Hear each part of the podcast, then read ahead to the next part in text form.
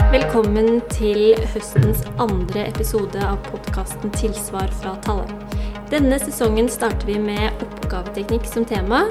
Eh, Vi har nå lagt ut en podkast om praktikum, hvordan skrive en praktikumsoppgave.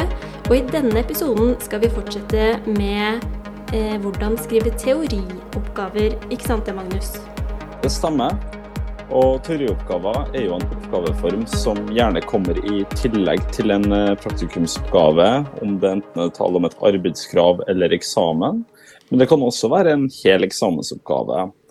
Og formålet med en teorioppgave er at du skal ta et skikkelig dypdykk i et valgt tema og redegjøre for det. Og I motsetning til en praktikumsoppgave er oppgaveteksten som regel nokså kort og vag, gjerne kun en setning, og i enkelte tilfeller så er det kun én bestemmelse eller et begrep. Eh, kort og godt forklart, Magnus. Men heldigvis har vi som alltid med oss eh, god hjelp fra Tallaug. Vi har med oss advokat Espen Enger Halvorsen og advokatfullmektig Aslak Årsvold Undheim. Eh, velkommen skal dere være. Jo, tusen takk for å være med igjen. Nå er det min tredje gang, men dette er så gøy, så det går fint.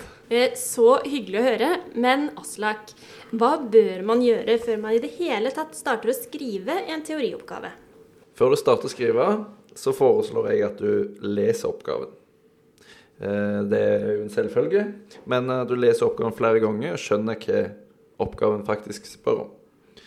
Eh, Start da, etter du har lest den, med å lage deg en grovskisse.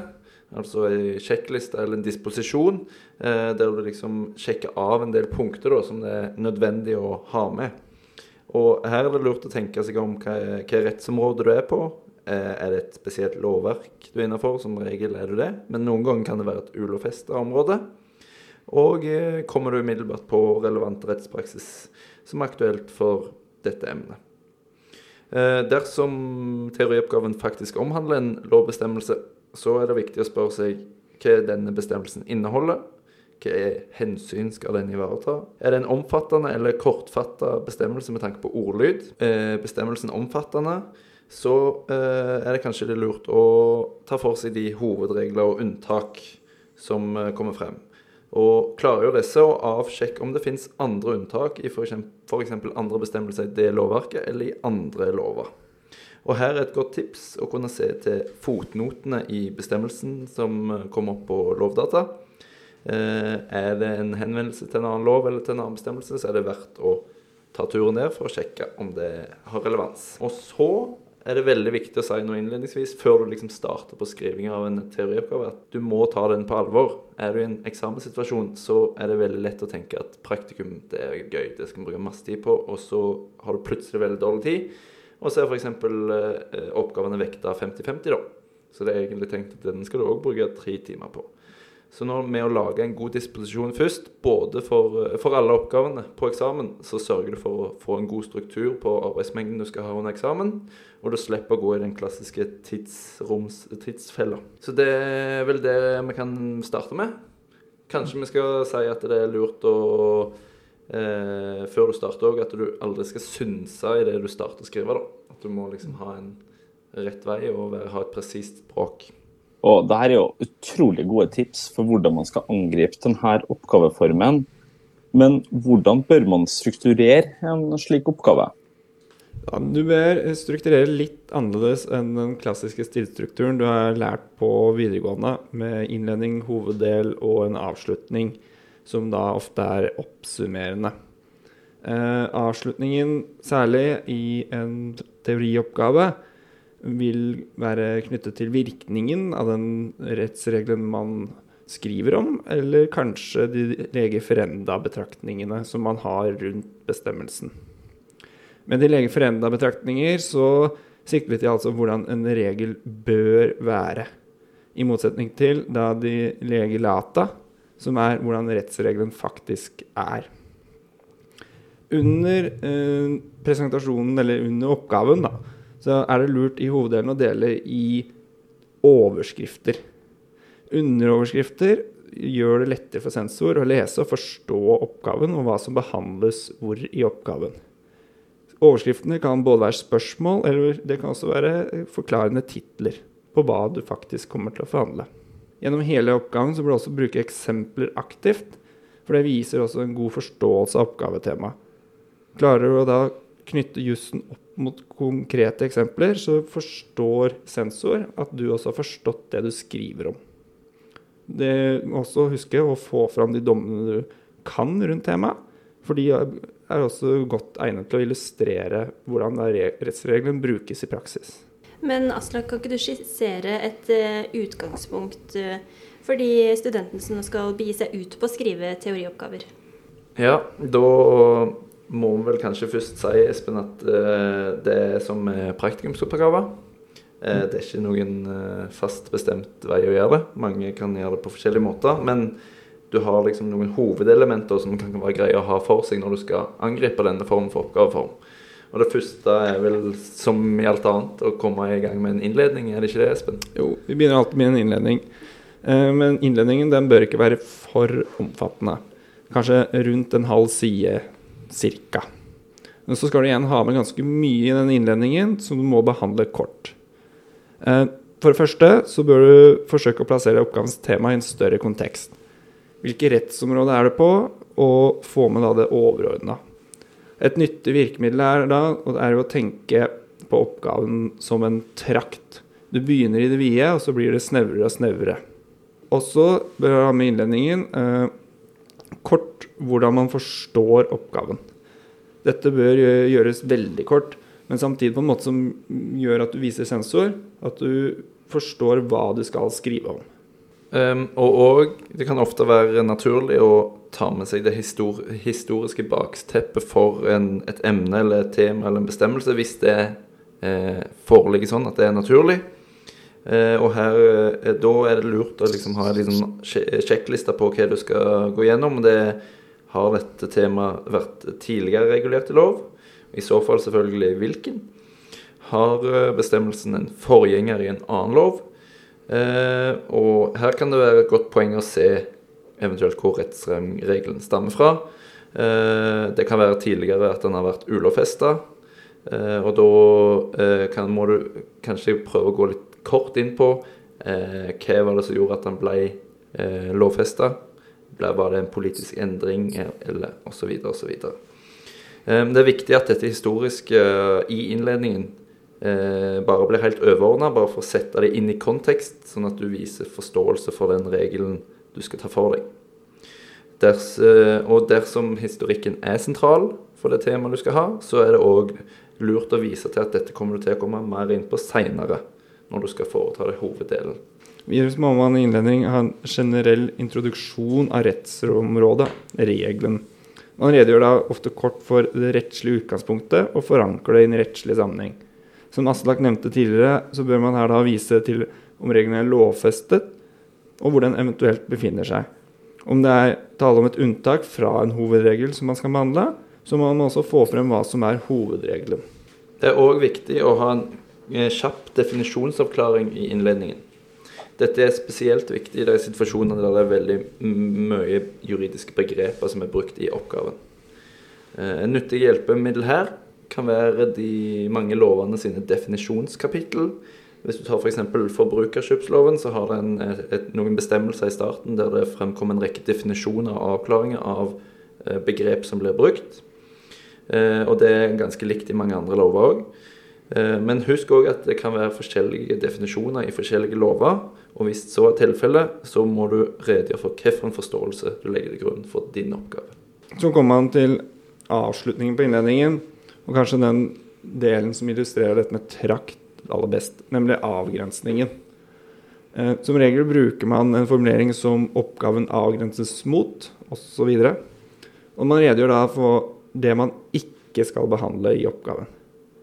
Når man avgrenser, så er det viktig at man eh, er varsom med å velge en altfor snever avgrensning eller en altfor vid avgrensning.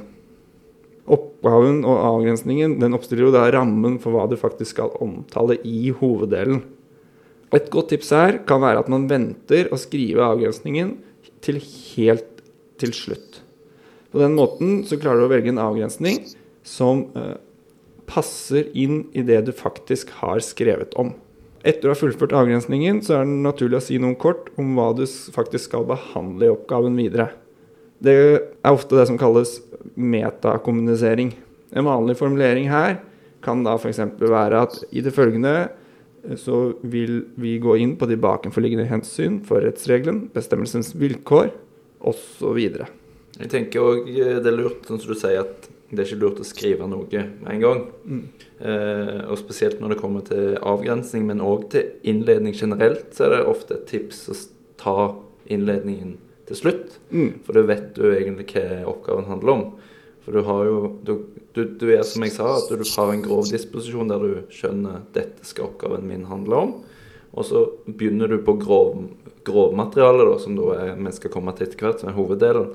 Og så har du da det foran deg når du skal lage en god innledning. Mm. Og som vi har prøvd å si nå, så er det viktig, det innholdet i innledningen er viktig, for du skal fange sensor og en annen leser til å synes at dette er interessant, og dette kan den som har skrevet dette. Her er det utrolig mye man skal få fram på kort tid. Men uh, altså vårt tips her er jo bare at man må trene på skrivinga for å korte det ned. Og da kan vi gå over til å snakke litt mer om kjernen av teorioppgaven, nemlig hoveddelen. Ja, når vi kommer til hoveddelen, så har du kommet til den delen av oppgaven der du virkelig skal vise at du skjønner temaet som oppgaven handler om. Eh, at du viser kunnskapen og innehar forståelsen for den jussen som ligger til grunn for det oppgavens tema er. Uh, og da må vi jo prøve å komme med igjen en fin måte å strukturere den på. Uh, og der òg har du en sånn overordna måte du kan ta for deg de fleste teorioppgaver, men som sagt, det er ingen fasit. Uh, men vanligvis er det vanlig å ta for seg hensynet bak tema eller regelen, vilkåret for og virkningen av tema eller rettsregelen. Når vi snakker om hensynet bak, så er det ofte, eller viktigst, å stille seg hvorfor har du denne regelen, og hvorfor er dette et tema i seg sjøl? Å redegjøre for de overhørende hensynene som ligger bak regelen, gjør at du eh, viser en dypere forståelse for hvorfor du har det regelverket. Eh, sentrale spørsmål eh, når du skal redegjøre for hensyn, kan f.eks. være i en sak som vi har vært innom tidligere episoder, skjevdeling. Hvis han tar for seg skjevdeling mellom ektefeller, så kan du f.eks. stille seg spørsmålet hvorfor har lovgiver funnet grunn til å ha en sånn en lovregel om skjevdeling. Eh, det er dette som er et av hovedpunktene når du skal besvare oppgaven etter beste evne. Du må vise hvorfor vi har dette regelverket. Og Da er det viktig å bruke hensynet aktivt, og spesielt i denne delen, men å prøve å trekke inn denne, disse hensynene òg seinere når du redegjør for f.eks. vilkår og virkning. Er det noe mer vi trenger der Espen, før vi går videre? Nei, vi kan Når det er gått gjennom hensynene, eh, som er veldig viktig, og så går det ofte mer inn på da, regelen. Og da akkurat da de vilkårene reglene baserer seg på. Altså hva skal til for at en bestemmelse kommer til anvendelse? Når du snakker om vilkårene, så må man få presentert alle vilkårene. Og på samme måte som i en praktikumsoppgave, så er det lurt å foreta en tolkning av ett og ett vilkår. Hvor man da begynner med ordlyden, og ser deretter hen til andre rettskilder. Typisk forarbeider, rettspraksis osv. Det er imidlertid viktig å huske at dette må gjøres på en teoretisk måte. Og Her er også rettspraksis da gull verdt å finne relevant stoff, så domssamlingen er et godt tips å se i. Og Så kommer vi over til virkningen for rettsregelen, eller temaet du har eh, tatt for deg i oppgaven. Altså hvordan fungerer denne regelen i praksis? Hva er virkningen av regelen? Hva er rettsvirkningen om vilkårene for regelen inntreffer? Og Her kan vi f.eks. ta fram skjevdelingseksempelet om virkningen av vilkår. For hva virkningen av vilkårene er. Altså er de oppfylt, så vil midlene kunne holdes utenfor delingen eller er de ikke oppfylt, så vil virkningen være at du må ikke kan holde det ut fordelingen, og de må være med i den fellesdelingen. Også her vise til egne eksempler. Eh, forklar at du har skjønt det med å uh, få fram uh, gode poenger i f.eks. Et, et rettspraksiseksempel som du har funnet, eller komme på en egen for å vise at du forstår tematikken. Da viser du god forståelse og selvstendig tankegang rundt det temaet du snakker om. Og det er jo alltid sensor på jakt etter. Og så kommer man liksom til slutten av oppgaven. Og, og da oppstår litt spørsmålet om man ønsker en avslutning eller ikke. For begge deler kan i prinsippet være helt greit. Hvis man ikke har så mye nytt å komme med, så kan man gjerne bare sette punktum etter virkningen. Men hvis man da enten har lyst, eller det er naturlig ut fra oppgaven, så kan man skrive en avslutning eh, som går mer da på de lege ferenda-betraktninger. Altså ikke en oppsummering som du ofte tidligere har lært på videregående, med å gjenta det du har skrevet tidligere i oppgaven, men en eh, oppsummering, en avslutning, hvor du skriver noe om, dette, om du synes dette er en god regel eller en dårlig regel. Det bør ikke være for omfattende når du skriver en eventuell avslutning med de lege foreldrebetraktninger. Og du bør heller ikke ha unødig synsing. Du bør være ganske kort og konkret i forhold til det oppgaven ber deg behandle. Og så bør du begrunne den eventuelle betraktningen du har, på en god måte. Da tror jeg studentene vet litt mer hvordan man skal skrive en teorioppgave. I hvert fall så har jeg blitt klokere.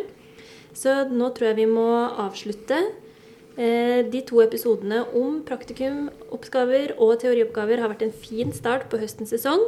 Og vi håper studentene står litt sterkere rustet i semesteret som står for tur. Men til slutt, har dere noen tips eh, som dere har lyst til å gi studentene helt på tampen? Ja, vi får prøve, da. Ehm, jeg tenker jo at det er lurt å bruke teorioppgaver som en studieteknikk når du skal lære deg de ulike temaene. Eh, dette vil jeg nesten si er gratis øving av å skrive teorier imens du lærer faktisk stoffet du skal ta for deg da, i et fag. Um, og her er det òg lurt å finne inspirasjon i andre mønsterbesvarelser eller A-besvarelser. Uh, eller se hvordan andre studievenner har gjort det. Um, det er ikke noen nøyaktig fasit på hvordan du skal løse en oppgave, og da må du ikke bruke en mønster- eller A-besvarelse slavisk. Men her er det veldig god inspirasjon på å se hvordan struktur og oppbygning kan være. Eh, jeg hadde iallfall veldig god læring når jeg var student til å sammenligne teorioppgaver med, mine, med min kollokviegruppe. Eh, vi satt ofte sammen og disponerte oppgaver i plenum, eh, der vi ga hverandre innspill. Og vi på en måte kom fram til kall det, det perfekte oppsett for det temaet. Og da fikk vi òg brukt det som en god repetisjon da, i det faget og temaet vi hadde. Eh, fordi det er veldig vanskelig å alene sitte og finne veldig fine nyanser som kan være Å, oh, dette var smart. Mm. Eh, ikke sant, Espen? Absolutt. Kort fortalt så kan man si øvelse gjør mester. Det gjelder også teorioppgaver. Hvis du aldri har skrevet det før, og du får det på oppgaven, så, eller på eksamen, så er det alltid utfordrende å gjøre det. Hvis du har øvd deg, snakket med andre på studiet, så er det mye lettere å sette seg ned og skrive en god teorioppgave. Så altså øv på skriving. Ja. Og så er det det å snakke med hverandre. Det vil jeg òg dra fram som veldig, et veldig nyttig verktøy. Da. Det er jo sånn som når vi jobber her i dag òg, i Tallaug, så vi snakker jo like mye med hverandre som vi skriver, fordi det er en lettere vei til det bedre, da. Mm. Så det vil jeg ta Skriv sjøl, og så kombinere det med å diskutere det med andre, for da finner du ofte den beste muligheten og løsningen. Det er jo utrolig gode tips helt nå på tampen. Og da må vi nå bare si tusen takk til at dere begge tok dere tida til å prate med oss igjen. Bare hyggelig. Alltid like hyggelig å være gjest hos dere. Jo, tusen takk for at jeg fikk være med, jeg òg. Jo, så klart. Eh, du har nå lyttet til Tilsvar fra Tallaug, et samarbeidsprosjekt mellom to jusstudenter og Tallaug. Vi er snart tilbake med flere spennende episoder, og i mellomtida så ønsker vi alle studenter i landet lykke til med et nytt semester. Vi høres om ikke lenge.